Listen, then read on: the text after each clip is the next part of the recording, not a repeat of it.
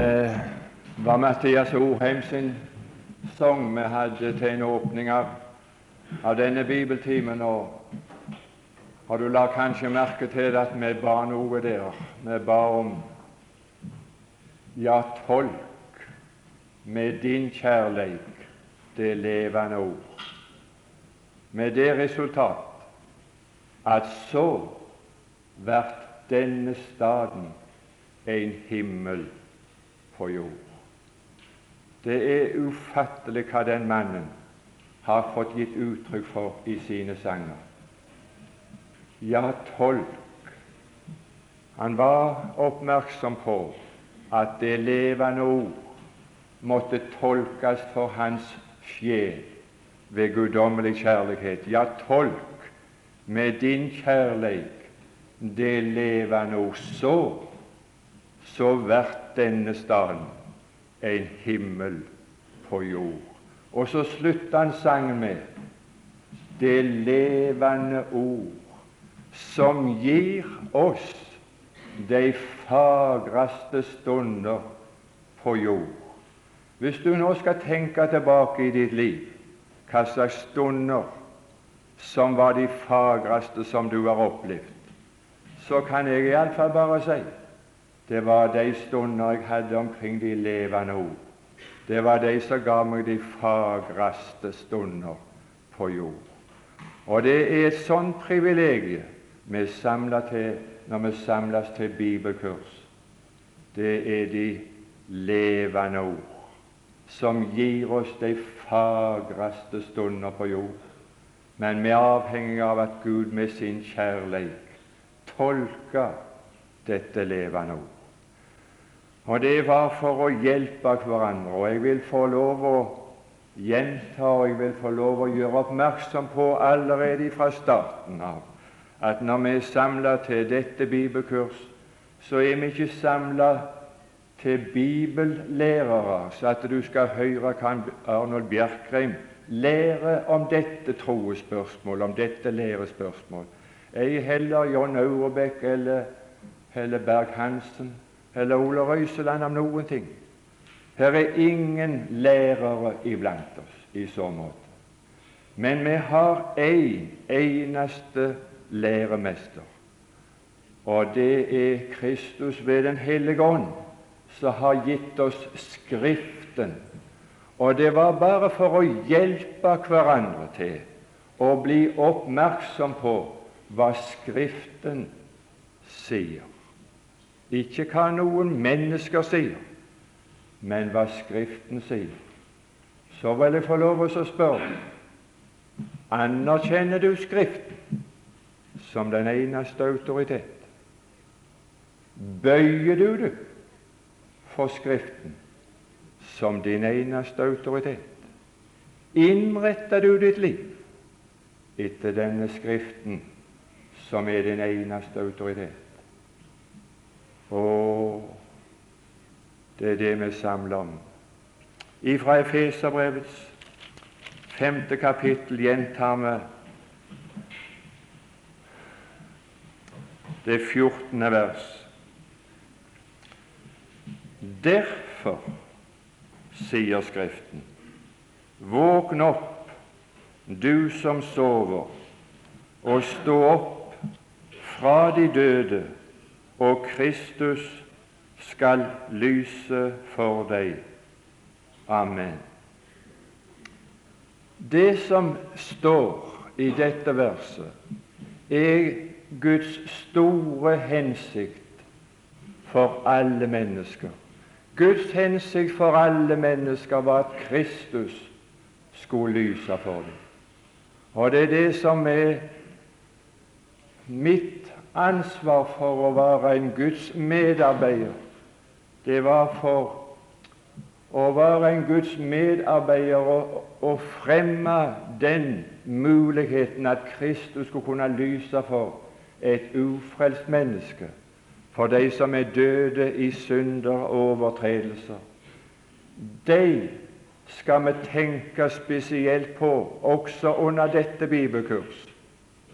Det vil bli gjort om kvelden. På kveldsmøtet så skal en vende ryggen til de som vi henvender oss til om dagen. Og så skal vi vende oss til de som er døde ved synder og overtredelser, og gi dem det som kan lyse for deg i den stilling evangeliet om, Kristi om Guds herlighet i Kristi Jesu åsyn.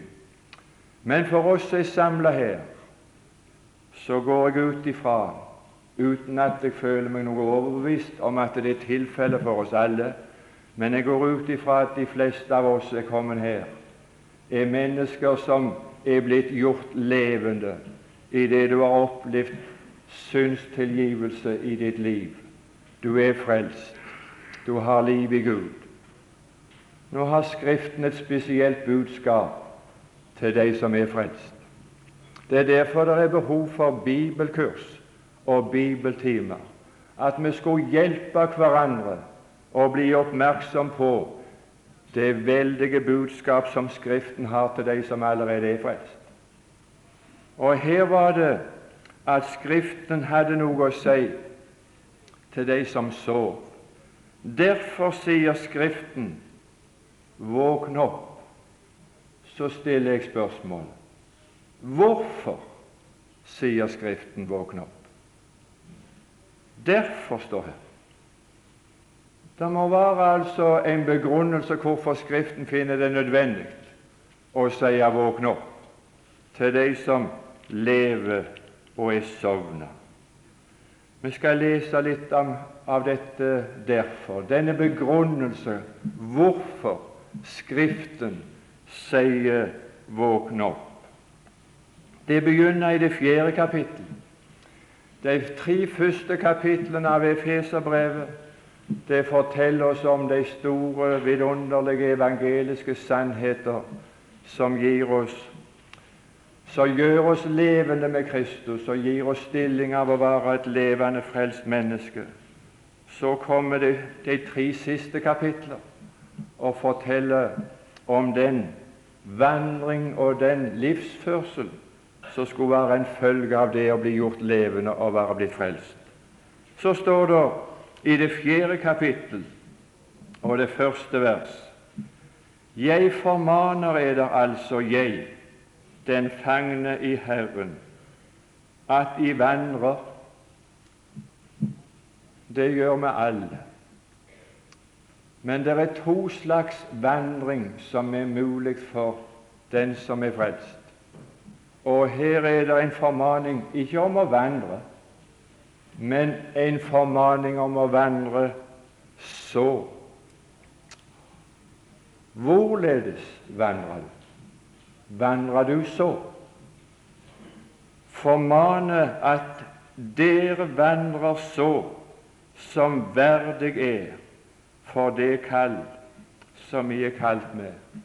Og jeg skal være den første til å erkjenne at det er to måter for meg å vandre som en kristen på. Det er en måte som er uverdig for mitt kall. Og det er én måte som er verdige for mitt kall. Og hvis jeg sover for dette, så er det ensbetydende med at jeg vandrer uverdig for mitt kall. Jeg er frelst, jeg har liv, jeg kommer til himmelen, ikke på grunn av at jeg vandrer verdig, og jeg går ikke til helvete på grunn av at jeg vandrer uverdig. Jeg kommer til himmelen fordi jeg er gjort levende i det Han har tilgitt meg mine synder, og bare derfor. Men som et frelst menneske så er det muligheter for to slags vandring. Og da er det en formaning i Skriften. Derfor sier Skriften at vi skulle vandre så som verdig er for vårt kall. Og Da vil jeg få lov å stille et spørsmål som jeg kjenner på for min del er brennende aktuelt. Øyeblikksaktuelt, enten vi er unge eller gamle. Her er ikke noe spesielle særkost for yngres, så hører Herren til, og for ungdom. og for manndom og alderdom. Når Herren hadde et folk i Det gamle testamentet, så levde de av samme kosten alle. De fikk mannen. Mannen, den passte for spedbarn, og mannen passte for yngres, og mannen passte for ungdom og manndom. Oldinger. Det var en vidunderlig kost. Å, men Herren har sørget for at vi tilfredsstilles som Herrens folk av samme kost. Verdig og uverdig vandring. Så er han beskrevet her. Og nå hadde jeg lyst til å hjelpe deg. Inderlig hadde jeg lyst til det. Og påkalle din oppmerksomhet på hvilken måte Skriften har beskrevet en verdig vandring. Ikke sikker på at alle er enige i det, men Skriften beskriver for oss hvorledes en verdig vandring for et frelst menneske arter seg. Vandre så, andre vers, med all Ydmykhet, det var det første. Og De ordene der Jeg har gjentatt det mange ganger at jeg har problemer med norsk, og jeg har forsøkt å få fatt i alle de hjelpekilder som kan forklare norske ord for meg. Jeg er ikke så sprek i fremmede språk, men jeg har enda større problemer med norsken enn med engelsk. Ja, det har enten du tror det eller ei å forstå sånne ord. Da må jeg ha altså hjelpekilder som kan forklare meg på norsk hva et slikt uttrykk betyr. Og da forteller de som er språkkyndige på, på norsk, at ydmykhet, det betyr styrke til å gi avkall på det du har rett på. Og vandre så at du har styrke til å gi avkall på noe som du ellers hadde rett på. Det er verdige vandring for en som er frelst. Jeg skal prøve å forklare det litt nærmere. I første Korintiabrev står det i det sjette kapittel og det sjuende vers er stilt i spørsmålsform av apostelen Paulus til de troende i Korint. Hvorfor lider dere heller ikke urett? Det var en uverdig måte å gjøre krav på sin rett for de som var frelst. Hvorfor lider de ikke heller urett? Det er ikke så verdig for en kristen å hevde sin rett. Vandre med ydmykhet, så jeg, jeg har styrke til å gi avkall på det som jeg ellers har rett. Hvorfor lider dere ikke heller urett, sier han, og hvorfor tåler dere ikke skade? Skal jeg fortelle deg hvorfor? Hvis du vandrer motsatt av dette Du er frelst for det. Jeg skal fortelle deg årsaken hvorfor du vandrer så. Fordi Kristus ikke lyser for deg. For Kristus, han lyser for et sådant menneske som har styrke til å gi avkall på sine rettigheter her, og finne seg i å tåle skade her.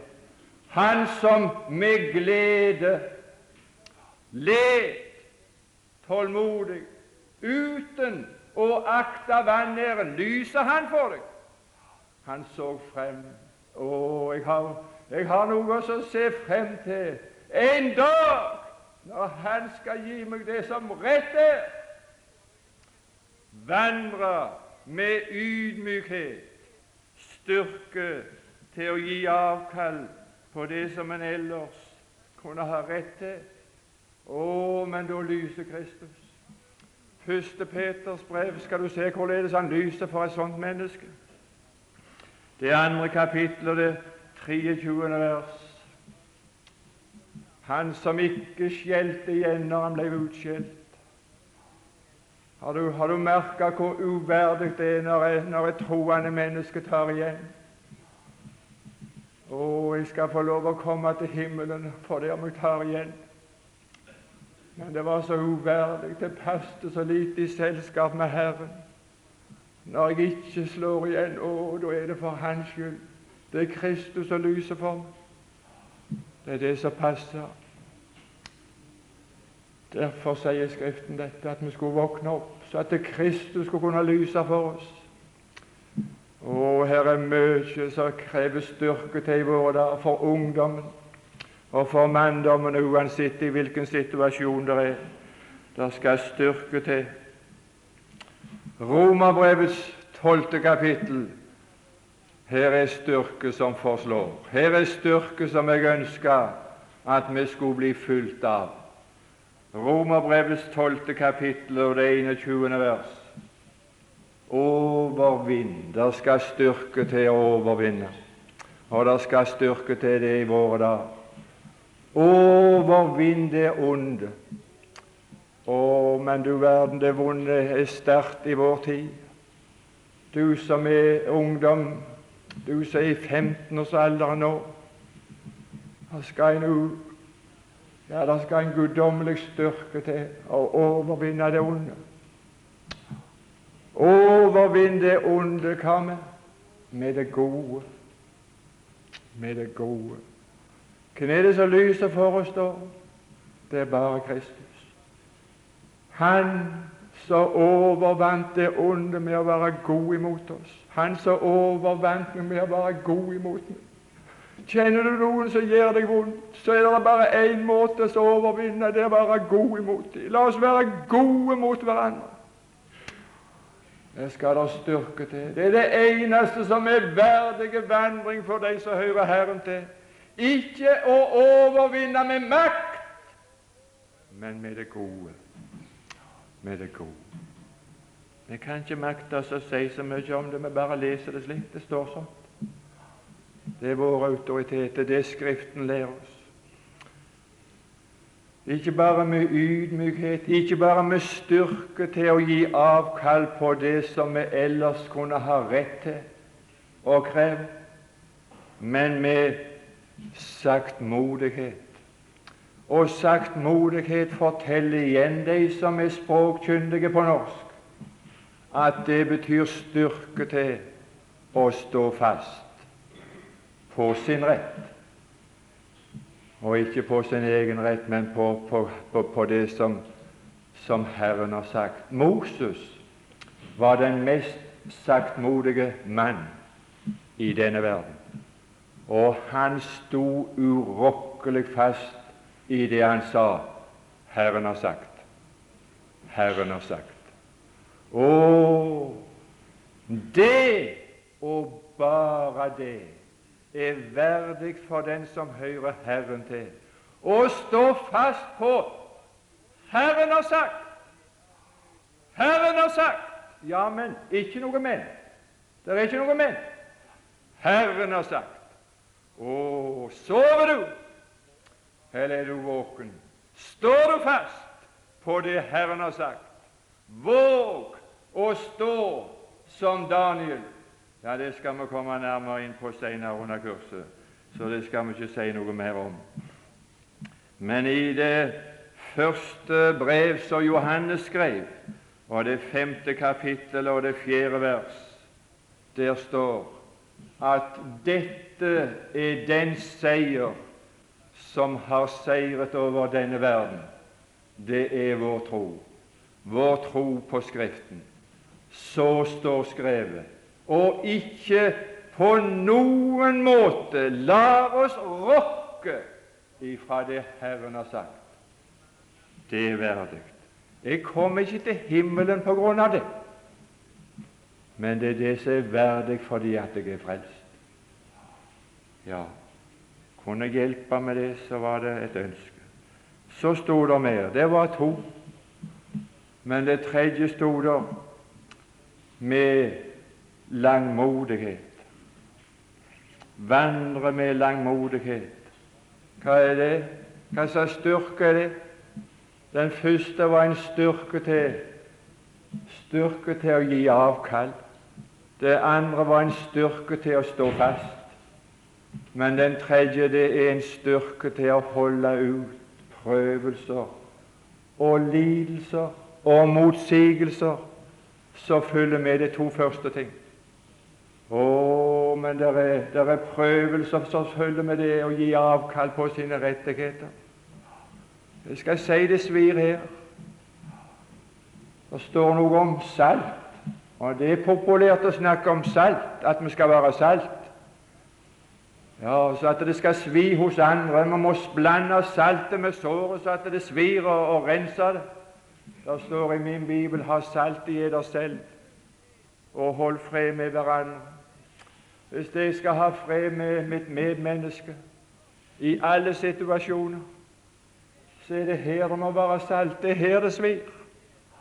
Hvis en har gjort meg urett, så svir det her jeg ikke skal gi igjen, at jeg ikke skal kreve min rett. Det skal styrke til å holde ut at det svir her. Å, han gjorde meg urett. Skal jeg finne meg i dette her? Jeg finner meg i det for Jesus skyld. Kristus lyser, lyser for meg. Han fant seg bare i motsigelser. Han fant seg i bare å bli gjort urett imot. For hans skyld lyser Kristus for oss. Jo, jeg skal si det skal langmodighet, jeg skal si det skal styrke til å holde ut prøvelser. Gud i himmelen, gi oss at når vi var samla til bibelkurs, at Skriften fikk si oss det som Skriften hadde så inderlig på hjertet til den enkelte av oss. Det har adresse til meg. Du verden, det er ikke til naboen. Ja, ja, så sto det og vandre så. Vandre så som verdig er, med ydmykhet, saktmodighet, langmodighet. Så står det et så igjen. Vandre så. Hvis du vandrer med denne styrken, så blir resultatet så. Så dere tåler hverandre hvem er de der som er med i de hverandre der? Det skulle jeg ha lyst til å få fått nærmere belyst. De som jeg skal tåle. Hvem er de, de andre? Hverandre? Ja, det står litt lenger nede her. 25. vers. 25. vers, siste delen, så står det fordi vi er hverandres lemmer. Det var det der står. Det står noe om et legeme her. Ett legeme. Og på dette ene legemet så ble jeg et lem når jeg ble frelst. Og på det legemet ble det, du et lem når du ble frelst. Og så er vi hverandres lemmer. Men så har det ikke blitt annerledes med noen av oss enn at gjennom hverdagslivet, når vi skal leve sammen, så, så knufler vi litt med han. Og det blir behov for å tåle hverandre.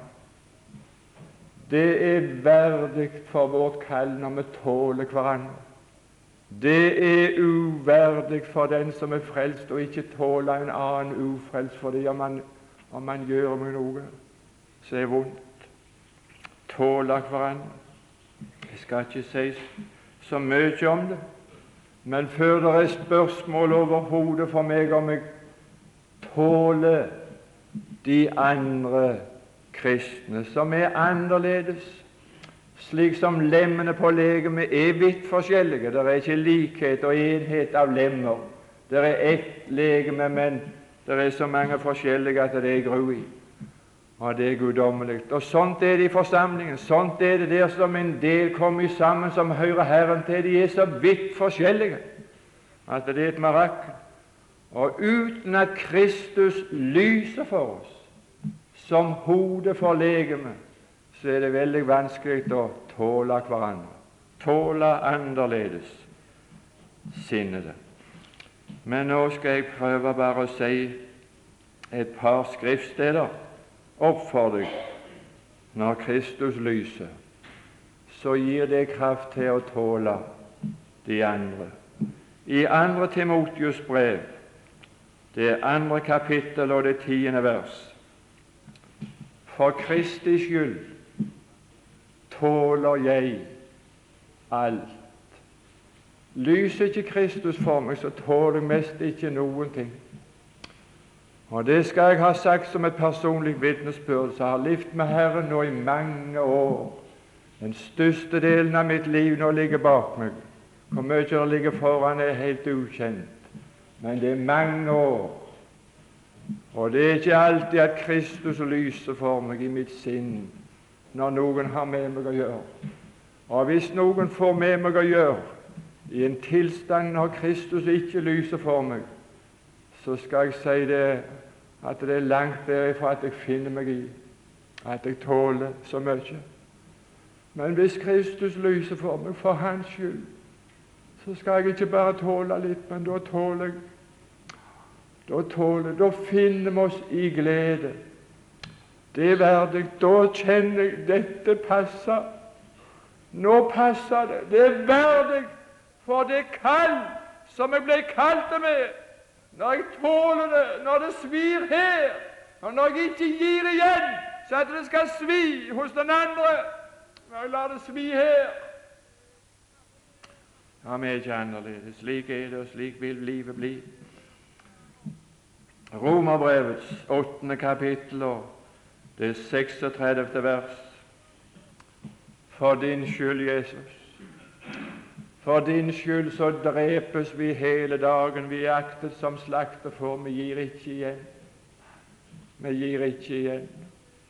Gud i himmelen gi at vår vandring ble så at vi var som slaktefor i verden, og at vi på den måten kunne overvinne det onde i denne verden som tiltar. Det nytter ikke å gjengjelde ondt med ondt. Det nytter ikke med øye for øye og tann for tann. Det onde øker. Det kan bare overvinnes ved det gode. Forstår du det? Mange misforstår. Vi, vi er ja, Gammeldags er det noen som sier de syns det er for svakt. Du er når du er fossil, sier de. Du er et fossil. Du er så gammel. Du er helt utafor. Du passer ikke i vår tid. Her gjelder det om å ta igjen. Her gjelder det om å demonstrere. Her må de kristne mobiliseres, og mobilisere sin, sin masse styrke som kan stå det onde imot. Nei, det er ikke styrke som skal til for å stå det onde imot. Det er godhet. Overvinn det onde med det gode. La oss være gode mot hverandre. Jeg kan ikke gå. Jeg vil bare gjøre oppmerksom på det. Må gå videre. Så skal du få høre på noe interessant. Og dette er bare interessant. Jeg vet ingenting som er så interessant som det å leve med Gud. Det er altså uavlatelig interessant. Her står i det denne verdige vandring, den foregår i det. I det dere legger vind på Jeg må få lov å spørre hva legger du vind på i ditt liv? I din vann? Når du vandrer? I din troende forsamling? I ditt bedehus? I de bud? I det dere legger vind på og bevarer Åndens enhet i fredens sambånd. Jeg vil iallfall få lov å gjøre oppmerksom på Skriftens klare og tydelige uttrykk for at de troendes enhet, den er kommet til eksistens.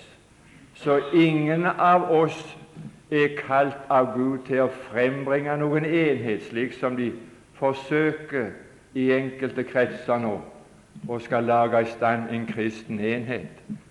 Den er oppretta, den er oppretta i menigheten. Alle som er frelst, de er blitt lemmer på legemet. Og enten er de med i legemet, eller så er de utenfor legemet, så er de ufrelst. Så alle som er frelst, de har fått sin stilling og er blitt med i den åndelige enhet som utgjøres av, av legemet som ble dannet på pinsedag. Det var en, det var en underfull enhet. Men det som står her, det er slett ikke heller det at vi skal bevare den enheten. Ingen av oss er kalt til å bevare menighetens enhet. Det skal Herren sjøl sørge for. Du kan være ganske sikker. Men her sto det noe annet, og det som her står, og som jeg er kalt til av Gud, og som er verdig, og bare det er verdig, at jeg legger vind på å bevare denne åndens enhet som er brakt til eksistens, og bevare den i fredens sambånd. Hvis jeg vandrer uverdig i min forsamling, så ødelegger jeg fredens sambånd i den forsamlingen. Men hvis jeg vandrer slik som her står, så er jeg med på å bevare Åndens enhet i forsamlingen. Gud i himmelen gi at den enkelte av oss som er med på dette bibelkurs, at Skriften kunne få oss så i tale at vi la vind på å bevare Åndens enhet i vår egen forsamling, der vi hører til i hverdagslivet, og ikke splitte jorden, men skåne enheten, og ikke splitte de troende opp i alle slags småavdelinger på spissfindigheter og alle mulige ting. Bevare Åndens enhet i fredens sambånd. Og det var da jeg sa Det var ikke alle gjerne som forsto det, men da er det deilig å møte.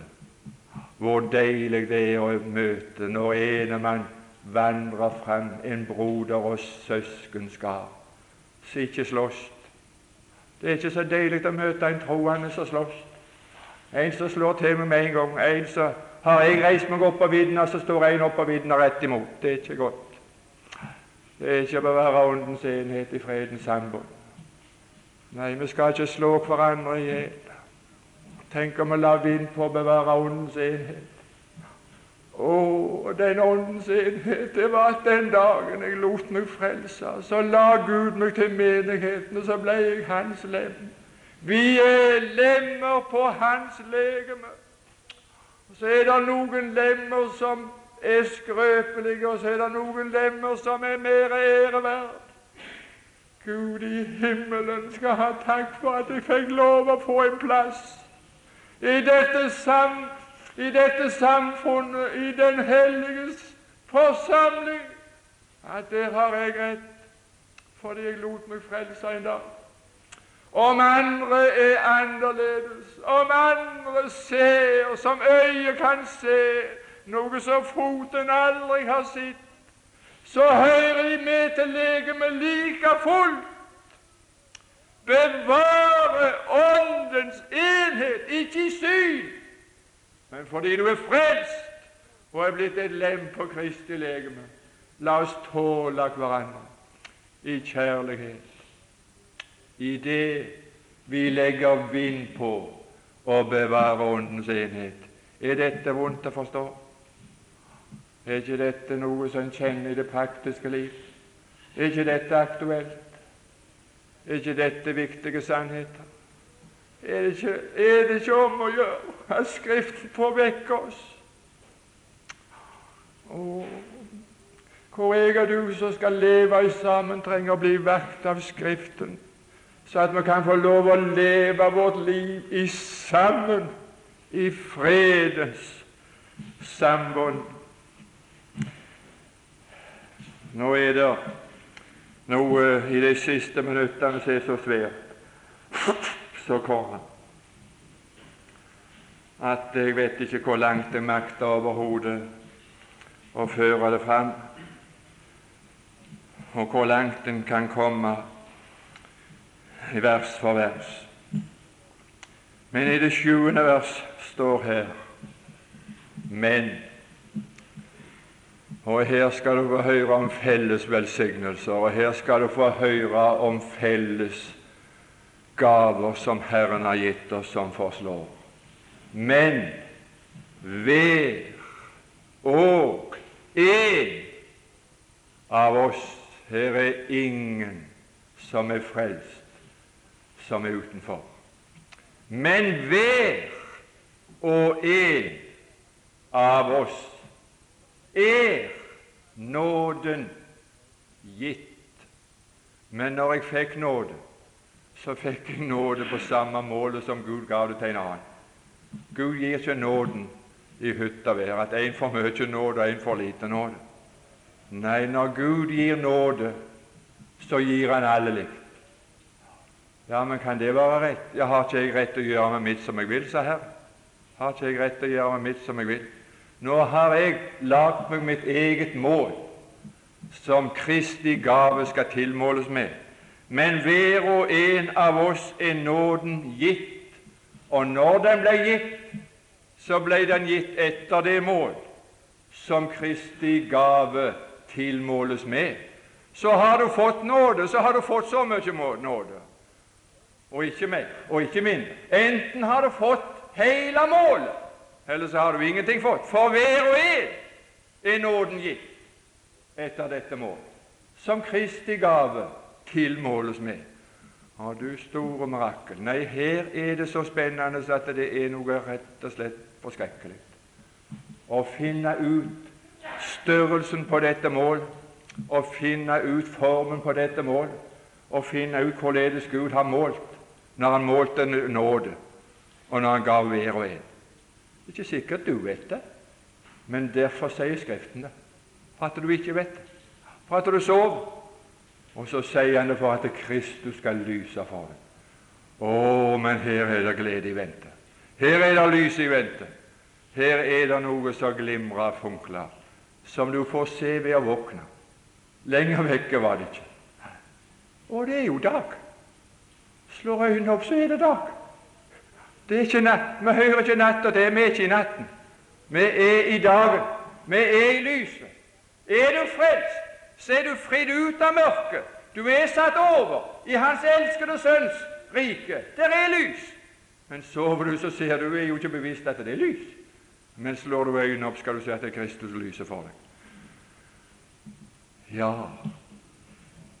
da kommer det en gjentagelse av det sitatet som vi har fra utgangspunktet i teksten vår. Så står det Derfor, sier Skriften Nei, nå, nei, nå, nei, nå skjønner jeg ingenting. Altså. Er det derfor Skriften sier dette her? Ja, det, det var derfor han sa det. Men, men når han sa det, så var det i en annen forbindelse. Ja, det var en forunderlig forbindelse. Og skal du høre hva Skriften sa men så var det oss han tenkte på når han sa det. Det er det løgneste av alt i Bibelen. I Salme 68 står det sitert under dette verset, i det 19. vers. Det er det som siteres. Nå skal vi først lese det her slik som Paulus siterer Salme 68, 19. Sånt har ikke jeg anledning å sitere Bibelen, sånn som Paulus kunne. Hvis jeg siterte sånn, så, så, så, så ødela jeg Guds ord. Og hvis jeg siterte sånn som Jesus siterte, så, så ødela Guds ord. Men de var profeter. De talte dreven av Den hellige ånd. De hadde autoritet å legge til. De hadde ingen autoritet å trekke ifra. Men så lenge så Skriften ikke var ferdig skrevet, så hadde en profet autoritet å legge noe til Skriften. Og her får du et tillegg til det som står i Salme 68, 19. La oss først lese det slik som det står her. Han for opp i det høye og bortførte fanger. Han gav menneskene gaver. Det er nokså likt, men det er ikke likt. Vi skal lese Salme 68.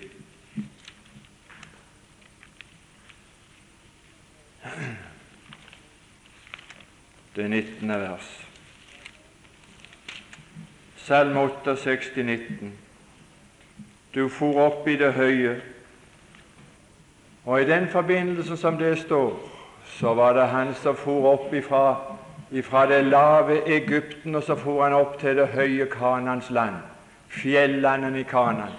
Han for opp i det høye løftenes land. Og når han for opp, i Shikina-skikkelsen, i den lysende skyskikkelsen og i den lysende herlighetsskikkelsen som leda folket ifra Egypten, så bortførte han fanger. Og de fangene han bortførte, det var sitt eiendomsfolk i Egypten som var holdt i trelldom og var fanger der, og så forløste han dem med et land. Og så bortførte han fangene idet han for opp i det høye med dem. Og så står her i Salme 68, 19 at han tok gaver blant menneskene. Det sa ikke Paulus noe om når han siterte det, men han trekte det ikke ifra heller. Det står her. Han tok gaver, og de gavene han tok, det var ifølge annen Mosebok så var det for å av de gavene å bygge seg en helligdom som Gud skulle bo iblant det folket. Og for å klare å gjøre en bolig for Gud ut av de gavene som han tok imot av folket, så måtte Gud gi dem gaver. Og de gavene som Gud gav dem, det skal vi lese om. Dette står i annen Mosebok. Dette er interessant, svært. Men det er ikke det, er ikke det som, som vekker vår interesse først og fremst. Men vi må ha forbildet før vi kan ha motbildet. I 2. Mosebok 25 står det i andre vers Si til Israels barn at de skal komme med en gave til meg. Og i åttende vers står det og de skal gjøre meg en helligdom, så vil jeg bo midt iblant dem. 31. vers og det tredje, 31. kapittel og tredje vers, eller fra det andre vers, så står det at det var noe nødvendig som Gud måtte gi for at de skulle kunne klare ut av disse gavene som folket gav Herren, så måtte Gud gi dem noen ekstraordinære gaver, så de kunne lage en helligdom av de gavene. Skal du høre? Og Herren talte til Moses og sa:" Se, jeg har kalt Besalel, sønn av Uri, Hur, sønn av Judas stamme, og jeg har fylt ham med Guds ånd, med visdom, med forstand og med kunnskap og med dyktighet til all slags arbeid, til å uttenke kunstverker, til å arbeide i gull og sølv og kobber, og til å slipe stener til innfatning og skjære ut i tre, til å utføre all slags arbeid. Og se, jeg har gitt ham til medhjelper, Oholiab, Akisamaks sønn av Dans stamme, og alle kunstforstandige menn har jeg gitt visdom i hjertet, så de kan noe som de ellers aldri har kunnet, og som de siden den tid aldri har kunnet, men som de kunne bare så lenge de levde. Så lenge Gud gav de ekstraordinære gaver til noen få mennesker, så kunne det gjøres slike ting som det aldri før hadde vært kunnet gjort. Og så kunne det gjøres slike ting som det aldri etterpå hadde kunnet, kan gjøres. Så de kan så de kan gjøre alt det jeg har sagt deg. Her var det bare de som kunne. Jeg skal ta et eksempel. De tingene som disse skulle bygge i Herrens tabernakel, så var det bl.a. en gullyserstake som skulle lages, og den skulle lages på en spesiell måte, etter sånn som Gud hadde sagt. Og det var det ingen i verden som kunne lage. De skulle ta en klump med gull og ut av den klumpen så skulle de med hammer hamre ut en lysestake, en syverma lysestake slik som den er detaljert, bare med hammerslag. Ingen lodding, ingen klinking, ingen lapping i sammen, ingen sveising. Bare hamre det ut. Den gullysestaken er et av verdens største fenomener. Det har aldri vært noen som kunne lage det før. Og det har aldri vært ei sjel, en gullsmed, som kunne lagt den gullysestaken etterpå, slik som Gud har sagt den. For å kunne utføre det arbeidet med disse gavene, slik at det skulle kunne bli en bolig slik at Gud kunne bo i dem, så måtte Gud gi dem ekstraordinære mennesker med ekstraordinær utrustning til å kunne gjøre underverker som aldri før hadde gjort, og som aldri siden. Men hvorfor sa Skriften dette om tabernaklets oppbygning? Derfor sier Skriften det. Hvorfor? Jo, for det er på den måten Guds nåde tilmåles oss, vi som lever nå. Og er her noe? Ja, her er noe mer enn forunderlig. Og det er det sværeste av alt forunderlig som vi nå skal lese i sammenheng. Derfor sier Skriften han for opp i det høye og bortførte fanger. Han gav menneskene gaver. Men dette at han, han for opp, var det uten at han først for ned til jordens lavere deler. Han som for ned, er den samme som for opp over alle himler for å fylle alt. Det er den Herre Jesus, slik som vi har lært han å kjenne når han på Golgata for ned og så på Kristi himmelfartsdag, så for han opp. Ti dager etterpå så skjedde det et under som bare gullyserstaken var en svak skygge av. Da ble, da ble menigheten påbegynt i denne verden, Guds menighet.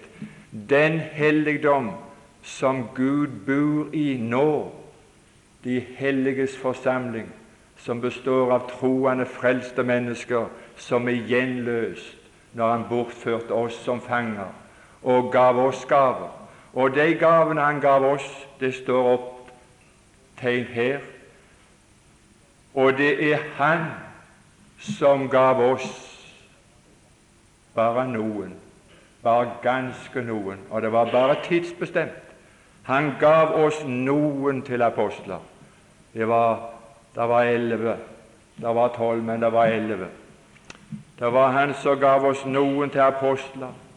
Han gav oss noen til profeter. Det var ikke mange, men det var noen. Det kom aldri noen senere.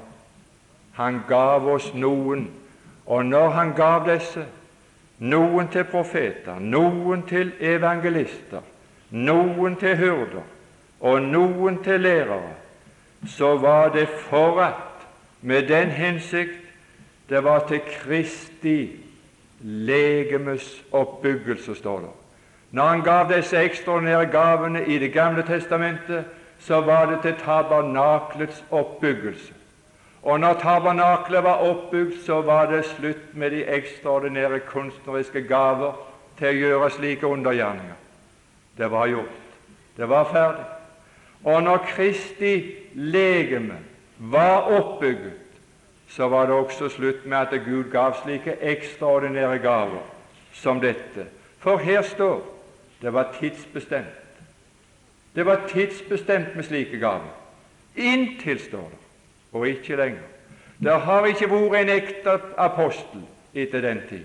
Det står noe i Johannes' åpenbaring, det andre kapittel, om noen troende så prøver de som sier de er apostler, ikke er det.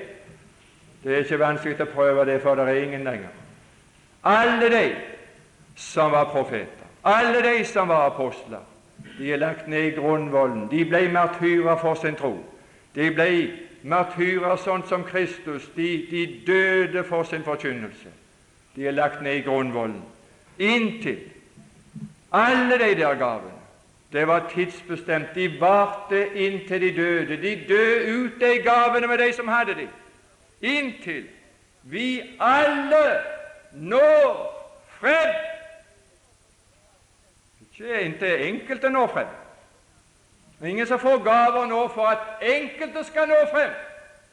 Men menigheten fikk i begynnelsen gaver av Gud med en sånn utrustning at når de hadde gjort sin gjerning, så var Kristi legeme oppbygget. Og nå er forholdet slik, er ganske enkelt slik, inntil vi alle når frem til enhet i tro. Før Skriften var ferdig, så var ikke de som skrev i Bibelen, de hadde ikke enhet i tro. Gjennom apostlenes gjerninger så var det svære diskusjon mellom apostlene. Den ene mente det, og en annen mente det. Og det var stor uenighet. Men når Skriften var ferdig, når alle de ekstraordinære gaver hadde gjort sin gjerning som Gud hadde gitt dem, og du har fått Bibelen i en fullstendig form, så er resultatet av at innenfor disse permer er det enhet i tro på Guds sønn. Kan du se det? Er det korrekt? Er vi nådd fram i Bibelen til enhet i tro på Guds sønn? Og så står det at det eneste som vi har nå, det er i vers 15 men at vi sannheten tror i kjærlighet. Det eneste er, og det eneste som du har ansvar for, det er å være tro imot den sannheten som er frembrakt av disse profetgaver og nådegaver som Gud gav oss i apostlene og profetene og evangelistene og hyrdene og lærerne. I dag er det ingen som kan stige opp og si jeg har autoritet ifra Gud og lære følg meg. Jeg følger ingen. Jeg våger ikke å driste meg til å følge et eneste menneske.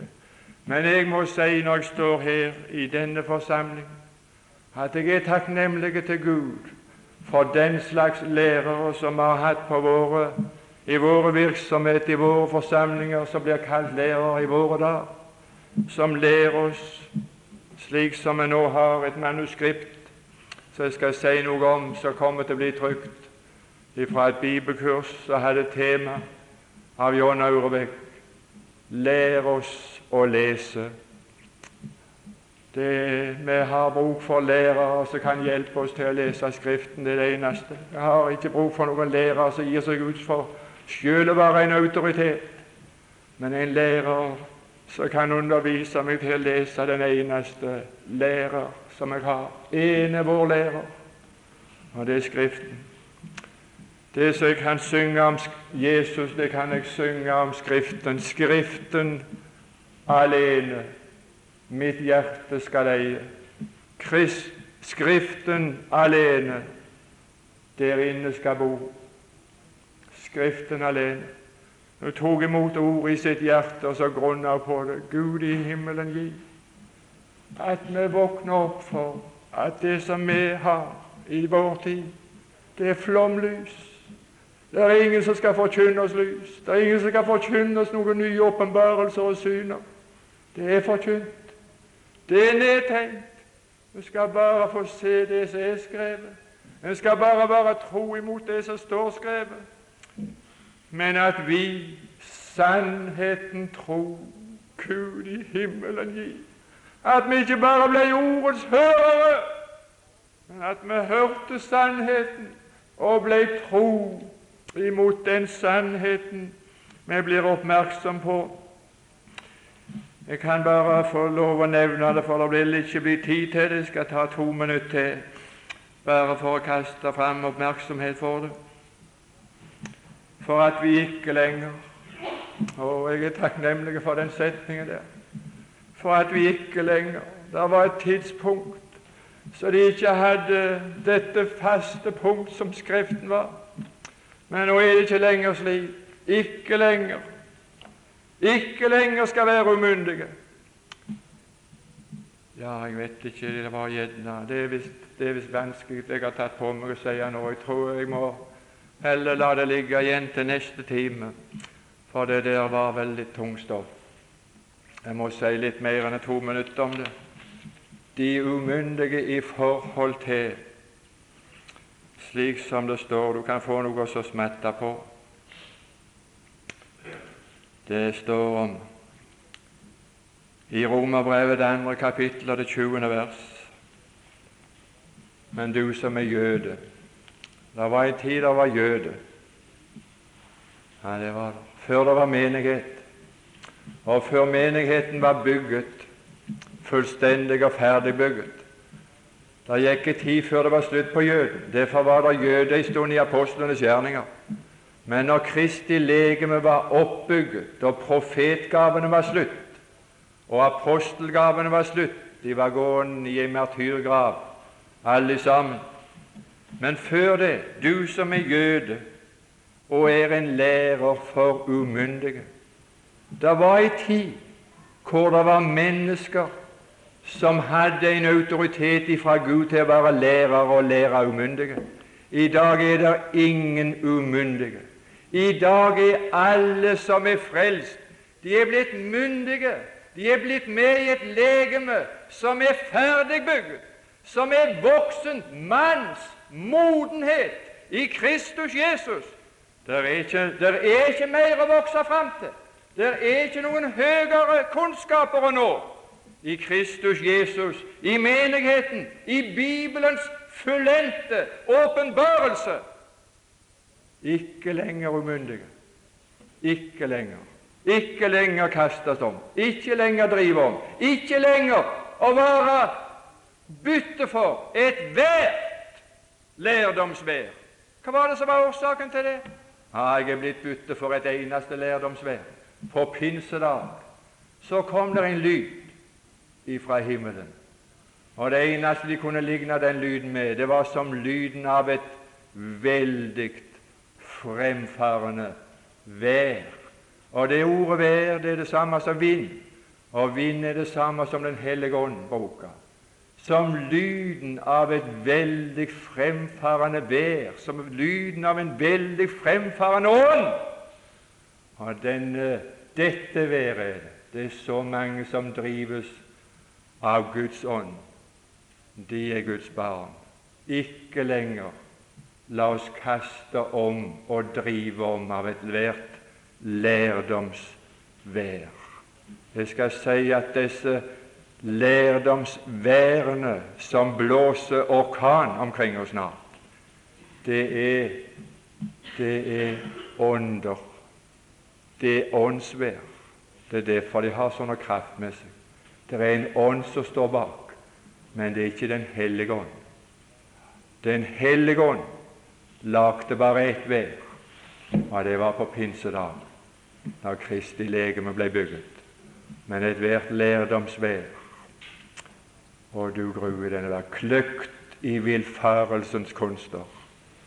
Jeg skal si jeg skal si enda bitte lite grann om det til begynnelse i neste time. Herre Jesus, vi takker for den omsorg som du har for oss, den enkelte. Og vi takker deg for den vidunderlige omsorg du legger for dagen du har for oss i ditt ord. Og vi vil få lov å be om en eneste ting. La det sannhetsord som rekkes, la det nå oss alle ved din ånd. Amen. Vi